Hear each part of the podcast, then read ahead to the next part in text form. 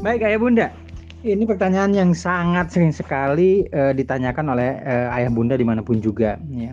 Hal yang pertama yang harus kita lakukan adalah kenali terlebih dahulu apakah gaya motivasi anak kita ini apa mendekati resiko atau menjauhi resiko. Kalau mendekati resiko, yang harus kita lakukan adalah mintakan tanggung jawabnya. Contoh misalkan adek, eh, adek boleh main HP dan mau berapa lama?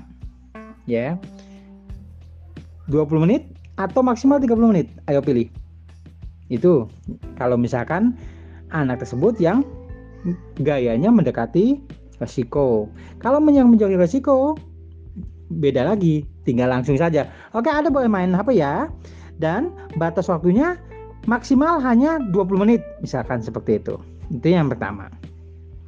Kemudian yang kedua jika si anak melebihi batas kesepakatan waktu yang sudah ditentukan, maka jika untuk anak yang menjauhi resiko adalah mintakan sebelumnya, adek, kalau adek lebih dari 20 menit, apa hukumannya?